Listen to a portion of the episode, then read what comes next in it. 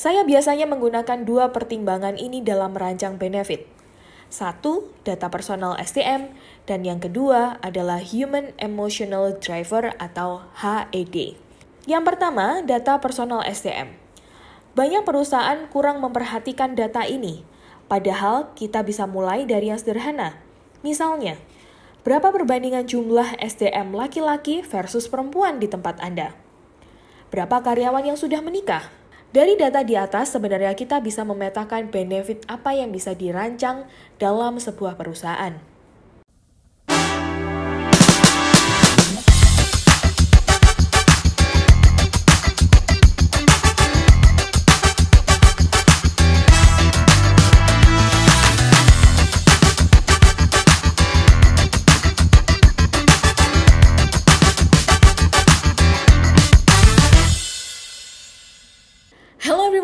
Welcome back to Curhat HRD. Kembali lagi bersama saya Marcel di podcast Curhat HRD ini karena kita akan ngobrolin tentang bagaimana pengelolaan SDM yang baik di perusahaan Anda. Nah, masih bersama dengan Sinergia Konsultan yang mana kalau teman-teman dengar di podcast memang kita di tahun ini ada berbeda gitu ya. Uh, yang pertama mungkin uh, kita bisa melakukan podcast uh, diskusi bersama Human Capital Coach expert dari Sinergia Konsultan. Kita juga ada video cast saat ini udah nonton belum episode yang terakhir dan yang kali ini kita akan benar-benar uh, membacakan buku pengelolaan tiga kunci pengelolaan SDM oleh Amelia Hirawan. Nah, saya rasa Anda mungkin uh, sudah memiliki bukunya, jadi Anda juga bisa memperdalam mengenai uh, buku tiga kunci sukses pengelolaan SDM ini. Dan secara khusus memang di bulan ini kami membahas tentang THR gitu. Tapi mungkin Anda juga sudah terima THR atau Anda yang masih harap-harap cemas saat mendengarkan podcast ini, THR-nya turun uh, bulan ini atau turunnya di akhir tahun ya gitu. Nah, apa pun ya uh, sebenarnya THR Anda mau turun di bulan ini atau di tahun di akhir tahun, yang pasti mungkin inilah yang perlu dipikirkan oleh HR soal benefit karyawan. Maka uh, benefit ini THR salah satu bentuk benefit yang diberikan oleh karyawan secara wajib. Sudah ada peraturan perundang-undangannya, maka perusahaan pun harus mentaatinya ya. Cuman, nah yang akan saya bacakan di buku tiga kunci sukses pengelolaan SDM oleh Amelia Hirawan ini adalah tentang benefit. Bahwa selain THR sebenarnya ada banyak hal lain yang Anda bisa berikan kepada karyawan yang kita sebut dalam benefit atau juga kalau kita ngomongin tentang lima area human capital, benefit ini ada dalam salah satu bagian atau komponen dari compensation and benefit yang ngomongin tentang gaji, fasilitas, dan lain-lain. Nah, maka ini adalah buku tiga kunci sukses pengelolaan SDM oleh Amelia Hirawan mengenai benefit sudah dituliskan di halaman 122. Namun untuk Anda yang memang belum memiliki bukunya dan Anda ingin me membacanya secara lengkap, Anda bisa langsung aja di www.sinergiakonsultan.com slash buku 3 kunci. Saya hanya membaca bagian sebagian saja, dan semoga Anda mengikuti. Uh, dan bagian yang saya baca ini uh, ngomongin soal benefit iya, tapi juga pertimbangan apa sih yang seharusnya dipakai oleh perusahaan, oleh business owner, oleh human capital practitioner dalam menentukan benefit ya karena sangat sering sekali saya dapati uh, mereka memberikan benefit itu tidak sesuai dengan kebutuhan karyawan mereka di perusahaan. So inilah um, buku tiga kunci sukses pengelolaan SDM oleh Amelia Hirawan tentang benefit halaman 122.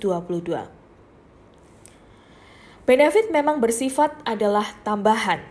Apakah karena sifatnya yang tambahan ini artinya boleh suka-suka dalam memberikannya? Justru Anda perlu menganalisa benar-benar dasar pemberian benefit ini agar tepat sasaran. Saya biasanya menggunakan dua pertimbangan ini dalam merancang benefit. Satu, data personal STM, dan yang kedua adalah Human Emotional Driver atau HED. Yang pertama, data personal STM. Banyak perusahaan kurang memperhatikan data ini, padahal kita bisa mulai dari yang sederhana. Misalnya, Berapa perbandingan jumlah SDM laki-laki versus perempuan di tempat Anda? Berapa karyawan yang sudah menikah? Berapa yang sudah menikah dan punya anak? Berapa usia anaknya? Dari data di atas, sebenarnya kita bisa memetakan benefit apa yang bisa dirancang dalam sebuah perusahaan. Jika memang Anda memiliki banyak SDM yang memiliki keluarga muda dan anak kecil, katakanlah di bawah SMP, ada banyak hal yang bisa kita lakukan sebagai bagian dari benefit ini. Misalkan saja, membuat program beasiswa sekolah untuk anak-anak karyawan. Dengan demikian, keluarga SDM juga mendapatkan benefit yang bernilai dari perusahaan.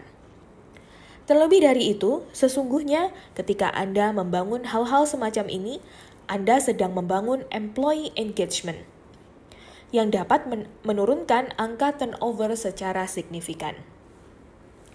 Yang kedua adalah Human Emotional Driver atau HED.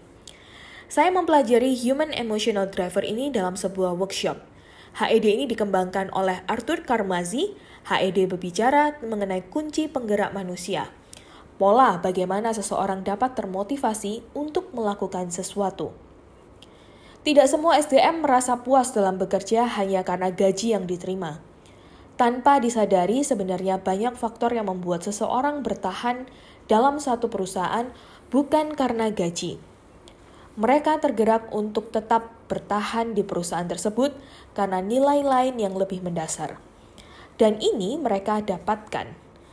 Human Emotional Driver membicarakan mengenai delapan area penggerak manusia – yaitu diversity and change, responsibility and contribution, security and control, love and belonging, achievement, challenge and growth, excellence, dan yang terakhir, recognition and significance. Setelah Anda melihat bagaimana data personal dan human emotional driver ini, semoga anda memahami bahwa tidak semua orang bekerja hanya untuk uang. Seringkali sebagai pemilik bisnis kita merasa kurang percaya diri karena gaji yang kita tawarkan biasa-biasa saja nilainya. Bahkan, kita sering kali meyakini bahwa SDM kita pindah pekerjaan karena gajinya kurang. Padahal ada banyak hal yang bisa menjadi kreasi kita dalam memberikan benefit emosional maupun psikologis pada tim kita. Ada banyak hal yang bisa kita rancang untuk memberikan skema benefit ini. Jadi, bagaimana rancangan Anda terhadap sistem compensation and benefit ini? Itulah yang dituliskan oleh Amelia Hirawan dalam bukunya Tiga Kunci Sukses Pengolahan SDM di bagian benefit. Amelia Hirawan juga menuliskan beberapa definisi mengenai delapan human emotional driver tadi. Maka kalau Anda ingin mengerti dan membacanya secara lengkap, Anda bisa langsung menuju ke halaman 124 sampai dengan 130 untuk membacanya. Namun, kalau Anda belum memiliki buku ini, Anda bisa langsung order di www.sinergiakonsultan.com slash buku 3 kunci. Semoga podcast ini menjadi satu insight singkat untuk Anda dan jika Anda merasa podcast ini bermanfaat, Anda bisa bagikan ini ke atasan Anda atau ke partner Anda atau ke tim Anda. Karena podcast ini sudah tersedia di Google Podcast, Apple Podcast, dan juga Spotify. Tetap semangat, tetap produktif, dan teman-teman, keep fighting on your good fight. See you!